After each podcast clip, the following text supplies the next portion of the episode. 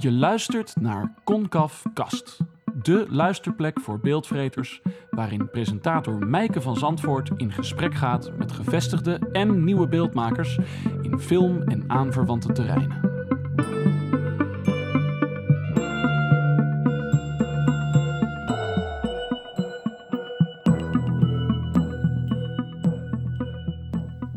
Leuk dat je luistert naar Concaf Kast. Vandaag praat ik met documentairemaker en filmproducent Ton van Zandvoort. Hij groeide op in het Brabantse dorpje Hees in de buurt van Os als jongste van een gezin met drie broers. Inmiddels heeft hij verschillende prijswinnende films gemaakt. Zo won zijn laatste film de Ben L tapes de Gouden NL Award en werden zijn films Grito de Piedra en A Blooming Business op talloze festivals vertoond. Hoe word je eigenlijk filmmaker vanuit het dorpje Hees? En hoe hou je daarna vol, dat filmmaken? Om Ton te leren kennen, starten we met de korte vragenronde. Hoi Ton, leuk dat je erbij bent via Skype. Hier komt de eerste vraag. Welke muziek luister je op dit moment veel? Uh, vrijwel niks. Alleen uh, muziek van een, uh, voor, voor films. Hoe heet je moeder? Hoe heet mijn moeder? Daar gaat je niks aan. Wat is de beste film aller tijden? Ja, zeg. dat, beste film aller tijden, die, die bestaat niet, want er zijn heel veel goede films. Punt. Bier of champagne? Bier. Vimeo of YouTube? YouTube. Wat is je favoriete vakantiebestemming? Thuis. Avid of Final Cut Pro? Allebei niet. Welke wel? Première. Première. Adobe Première. Verliefd, verloofd of getrouwd? Uh. Dat was hem alweer, de korte vragenronde. Ton, je bent opgegroeid in Hees bij Os als uh, jongste uit een uh, gezin van drie broers. Kun je eens vertellen hoe je vanuit daar het filmvak in bent gerold? Ik was de jongste. de oudste die, die is manager bij DSM en de middelste werkt op de Rabobank. En uh, dan had je de jongste en ja, die ging het creatieve pad op. Dus uh, uh, ja, dat was ik. Ik ging naar de middelbare school in Os. Maar goed, toen woonde ik nog natuurlijk bij mijn ouders. En daarna heb ik een versnelde opleiding gedaan in Eindhoven. Het Grafisch Lyceum was dat toen. Volgens mij was ik toen 17 ongeveer. En toen ben ik ook in Eindhoven gaan wonen. Dus vandaar dat ik vertrok.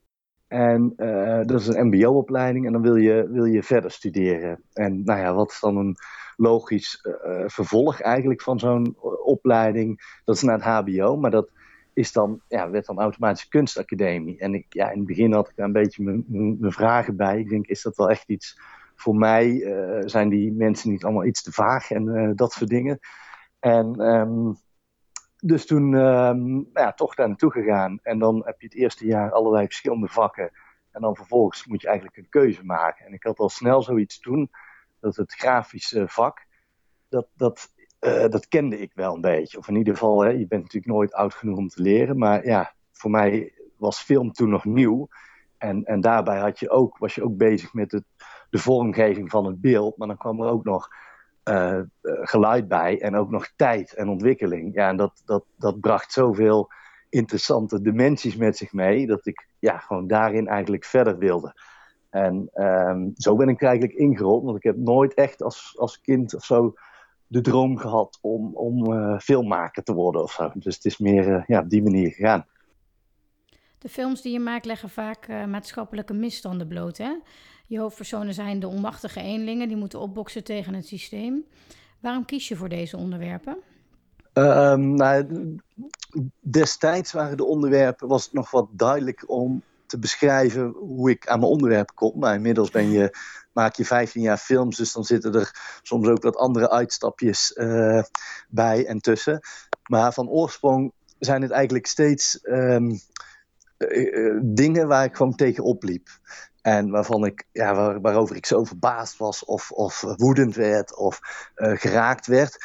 Ja, en op het moment dat je dan zo geraakt wordt door iets, dat je denkt van ja, daar moet ik, uh, daar moet ik iets mee. Zo begon het eigenlijk. En kijk, in, in 2005 is YouTube uh, ontstaan. De, dus toen we eigenlijk begonnen met, met film maken, ja, toen was dat er nog niet. Dus toen had je ook echt die, die urgentie van ja, dit, dit, moet, dit wil ik gaan vertellen. Maar dat zal ook met mijn leeftijd te maken hebben. Dat als je gewoon in het begin ben je nog wat jonger en naïef. En dan duik je overal gewoon helemaal in. Ehm, met het, ja, het idee van dit wil ik vertellen. En als je ook wat ouder wordt. En, en er is veel meer media nu als, als vroeger. Dan, dan uh, neemt dat in, in die zin wat, wat af. Maar om, om, om, antwoord te geven op jouw vraag van hoe ik daar dus bij kom. Bijvoorbeeld bij Blooming Business. Ik was in 2000, nou ja, de hele tijd terug was ik in, in Kenia. En dat was in eerste instantie voor een andere film voor het Liliana Fonds. En toen kwam ik, uh, waren we op zoek naar het meest geschikte gehandicapte kind voor die film. En in die zoektocht daarna kwamen we allerlei mensen tegen. En waaronder dus een vrouw die dus bij een rozenindustrie uh, werkte. En ik wist daar dus niks van. Want ik dacht, ja, al die, uh, de, de, bloemen komen uit Nederland. Maar het bleek dus dat al die bloemen die daar geproduceerd werden naar, uh, Nederland, ja, naar Nederland werden uh, vervoerd. En um, vervolgens um, uh, ja, bleek dus die vrouw onder ja, erbarmelijke omstandigheden te wonen. En ik was daar eigenlijk dus zo door geraakt. Ja, dat, dat is dan een, een gegeven om dus te gaan beginnen met een film. Ja, en dat gaat niet, niet altijd heel makkelijk in eerste instantie. Dus ja, je, weet dat je er een aantal jaren mee bezig kunt zijn. En dan om de financiering rond te krijgen. En ja, vandaar dus dat, dat een onderwerp, ja, dat moet je echt gewoon goed raken. En daar moet je dus ja, uh, vol voor willen gaan voor een aantal jaren. Dus zo, uh, ja, zo ontstaat dat een beetje. Bijvoorbeeld bij zo'n bij, bij een blooming business dat je ja, gewoon partijen niet meekrijgt in jouw visie of in het verhaal wat je wil vertellen. Ja, dat is dan heel moeilijk. En dan uiteindelijk wordt zo'n film uh, wereldwijd vertoond en uh, wint hij overal prijzen. En ja, dan, dan maakt dat het gevecht wat je er dan vier jaar voor hebt gehad of zo, dat vergeet je dan natuurlijk weer meteen. En, en zo is het eigenlijk vaak. Als je jong bent en naïef en dan vecht je overal tegenop om ergens bij te horen. Waarom weet je niet of zo. Maar als je dan eenmaal bepaalde podia hebt bereikt of weet hoe bepaalde wereldjes in elkaar zitten, dan um, is dat soms is het dan interessanter om het niet te weten en er uh, voor te gaan, als dat je het wel weet. Want doordat je weet welke beren er allemaal op de weg kunnen zitten, uh, kan het je ook uh, demotiveren. En dan moet je gewoon heel erg sterk in je schoenen staan van ja, wil ik hier voor dit onderwerp uh, drie, vier jaar hard voor gaan en met alle tegenslagen waarvan je dan al weet dat ze er kunnen zijn. En dat is um, voor mij het verschil met, met vroeger. Dat je vroeger gewoon, uh, ja, gewoon uh, begon en vertrok. En gewoon uh, met, met de camera op pad ging. En, en dat, dat doe ik nu de laatste tijd wel, wel wat minder. Want ik had opgeschreven om jou te vragen: wat zou je beginnende makers adviseren? Maar ik kan misschien beter vragen: wat, kan je, wat, wat zou je ervaren makers adviseren? Want dat is op een bepaalde manier misschien lastiger dan een beginnende maker zijn, als ik jou zo hoor. Ja. Ja, ja, eigenlijk wel. Want dat is ook het. Ja, dit klinkt dan misschien uh, wat zwaar, maar um, als je dan. Je hebt vaak het gevoel dat als je dan hard werkt ergens voor en het, en het loont zich uit, zoals bijvoorbeeld, ja, dan hebben films prijzen gewonnen en dan zou je zeggen, dan is iedereen blij en dan gaat de volgende film makkelijker. En daarin uh, heb ik mezelf een beetje vergist want in het begin ben je nog beginnend maker en dat soort dingen. Maar op een gegeven moment um, ja, gaat dat eigenlijk niet makkelijker. En blijft elke keer jezelf uh, bewijzen. En uh, you're as good as your latest film. En als die dan niet heel goed is, dan is het gewoon heel moeilijk ook om weer daaruit um, ja, een volgende film uh, gemaakt te krijgen. En, dat, het moment dat ik dat besefte, was toch wel even een, een ja, was wel even lastig. Um, en dus voor beginnende makers zou ik aanraden om gewoon uh, vooral naïef te blijven en uh, gewoon te gaan in iets waar je in gelooft en gewoon uh, ja, ervoor gaan. En dat geldt eigenlijk dus voor ervaren makers ook. Ja, en daarom begin ik diezelfde naïviteit, probeer ik ook weer um, ja, terug te vinden. Om gewoon inderdaad, ik geloof ergens in en ik geloof dat mijn gevoel goed zit. Dus ik moet er gewoon in geloven en voor gaan. Niet alle films die je maakt komen vanuit je eigen fascinatie tot stand. Voor je laatste film, de Benno-tapes over pedoseksueel Benno L, werd je bij het project gevraagd, hè? Frank van Os en Jacqueline de Heij waren bezig met deze film, maar ze liepen er eigenlijk in vast. Ze, hadden ook, ze liepen ook tegen dezelfde problemen op dat een omroep uh, niet mee wilde werken, ze financiering niet rondkregen en het onderwerp natuurlijk zo gevoelig is dat ook veel partijen die ze wilden filmen eigenlijk niet mee wilden werken. Dus ja, de film die stond um, op een punt van ja, moeten we er wel mee doorgaan? En toen zijn ze eigenlijk ja, in, in samenspraak met Omroep Brabant zijn ze bij mij gekomen en hebben ze mij benaderd om dus de regie van de film op me te nemen. En uh, ik ben er dus halverwege eigenlijk um, bij betrokken geraakt. En vervolgens ben ik gaan kijken, ja, hoe, wat is interessant? Wat weten we nog niet van, van, van dit onderwerp? Want dit onderwerp was al enorm uitgebreid belicht in de media. Dus ja, er was al zes uur archiefmateriaal van media over zo'n man. En iedere invalshoek was al belicht. wat moet met zo iemand? Uh, moet de doodstraf? Uh, et cetera, et cetera. Dus um, ja, toen zijn we eigenlijk gaan kijken van ja, wat, wat, wat, wat spreekt mij aan, ben ik eigenlijk gaan kijken. En toen vond ik dus dat hij um, heel veel uh, home videomateriaal had hij dus zelf opgenomen.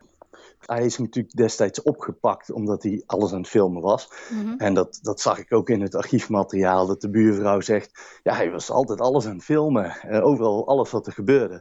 Dus hij is eigenlijk. Um, daarna is hij daar gewoon mee verder gegaan.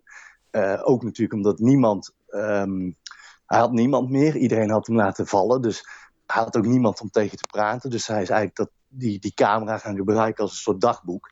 Om, om daarin uh, wat, wat, wat, wat verhalen in kwijt te kunnen. En tegelijkertijd ook um, dingen in vast te leggen. Omdat er allerlei verschillende afspraken met hem werden gemaakt. Dus de reclassering die zei iets, maar die kwam dat vervolgens niet na. Zij dacht, ja, ik ga het op een gegeven moment filmen. Nou, toen ik al het materiaal zag, het was uiteindelijk meer dan 130 uur ja, toen had ik zoiets, dit is, dit is wat mij aanspreekt in zo'n verhaal. Want we, weten, we hebben al zoveel gehoord over hem, maar niks vanuit zijn optiek. Maar goed, dan zit je natuurlijk met, met een aantal problemen. Is dat het, het verhaal was al grotendeels, had zich al afgespeeld. Um, uh, ik was afhankelijk van wat hij wanneer ook had opgenomen. Dus ik had heel veel beperkingen en ik, ik houd vaak van een hele filmische stijl. En dat wil ik eigenlijk de laatste jaren wil ik dat steeds meer verder gaan ontwikkelen. Maar ja, in dit geval was dat gewoon niet de vorm voor dit, voor dit verhaal. Dus het is een hele rauwe, uh, grove home video film bijna. En vandaar ook de titel De Benno Tapes. Sinds enige tijd produceer je ook. Waarom ben je eigenlijk uh, met dat vak begonnen? Uh, nou, hoe het produceren ontstaan is, is in eerste instantie om eigenlijk voor mezelf en anderen dingen mogelijk te maken die daarvoor eigenlijk dan moeilijker waren. Um, ik heb um, bijvoorbeeld de eerste films die ik heb gemaakt, ja, daar was ook geen geld voor. Dus dan ga je uit, vanwege die reden, ga je dat zelf doen. Vervolgens kwam ik later uh, beginnende makers tegen die uh, tegen allerlei dingen opliepen die ik zelf al had uitgevonden door de jaren heen op festivals, met distributeurs. Met... Dus toen ben ik eigenlijk op die manier hun gaan helpen en adviseren. En ja, en zo ben ik eigenlijk in, dat, uh, in, het produceren uh, gerold. Maar ik heb nu niet per se de ambitie. Maar goed, het is altijd opletten wat je, wat je zegt. Want ja, wie weet is het straks anders. Maar om daarin enorm te gaan groeien of zo. Ik denk, ik wil op het moment dat je heel veel mensen in dienst hebt, eh, dan moet je, um, dan moet je ook heel veel films gaan produceren. En dan uh, moet je denk ik opletten dat het weer geen factory wordt. En tegelijkertijd wil je als producent hier ja, echt van leven. Dan moet je wel meerdere films ook um, uh, produceren. En, uh, maar dat is ook altijd een beetje de, de, de angst die ik, of niet de angst, maar ik vind een documentaire film, die maak ik alleen als de urgentie groot is. En het moet geen, geen productie factory werk worden, van, omdat we nou eenmaal de huur moeten betalen, bijvoorbeeld. Of zo. Ja, want anders kun je een film niet uh, verwezenlijken. Het moet gewoon echt vanuit de passie en die, die drive voortkomen. En als die er uh, minder is, of als je af en toe bijvoorbeeld geen onderwerp hebt, of denkt, ja, dan, dan moet, je ook, uh, dan, dan moet je ook geen film maken. Is documentaire maken wat dat betreft een manier van leven? Ja, uh, met documentaire ben je absoluut dag en nacht bezig. Dat maakt het ook soms uh, moeilijk, omdat je eigenlijk nooit vrij bent. Juist als ik op vakantie ga, ga ik op zoek en ben ik open naar, of sta ik open voor, voor, voor onderwerpen die ik, die tegenkom. En dus, dus ja, je bent er gewoon, ja, het is a way of life, heel cliché, maar dat is het. Je gaat gewoon steeds heel erg diep voor een of andere rare passie of drive die je hebt. Om dan steeds weer een, een, een film te willen maken, die, uh, een film te maken die je dus, ja, waar, waar, je dus de behoefte van hebt om die te maken. Ik vind dit een uh, schitterende afsluiting van dit interview. Ik heb nog één vraag voor je. Wie moet er volgens jou de volgende keer in de kast? Met andere woorden, wie zou volgens jou zeker één keer bij mij in de uitzending moeten komen? Nou, dat, kan, uh, kunnen er heel veel zijn, maar ik, ik had het net over uh, Joost Zelen en ik denk dat dat wel een uh, interessante persoon is. Um, als, als, ja, dus la, laten we la, vraag hem. Ga ik doen. Bedankt voor het luisteren naar deze Concavcast. Als je meer wil lezen of zien, kijk dan op onze site www.concav.nl. Dat schrijf je met K-O-N-K-A-V. Wil je meer horen? Abonneer je dan op deze podcast via iTunes en laat dan meteen een review achter. Suggesties voor gasten? Graag. Mail ons op info.concaf.nl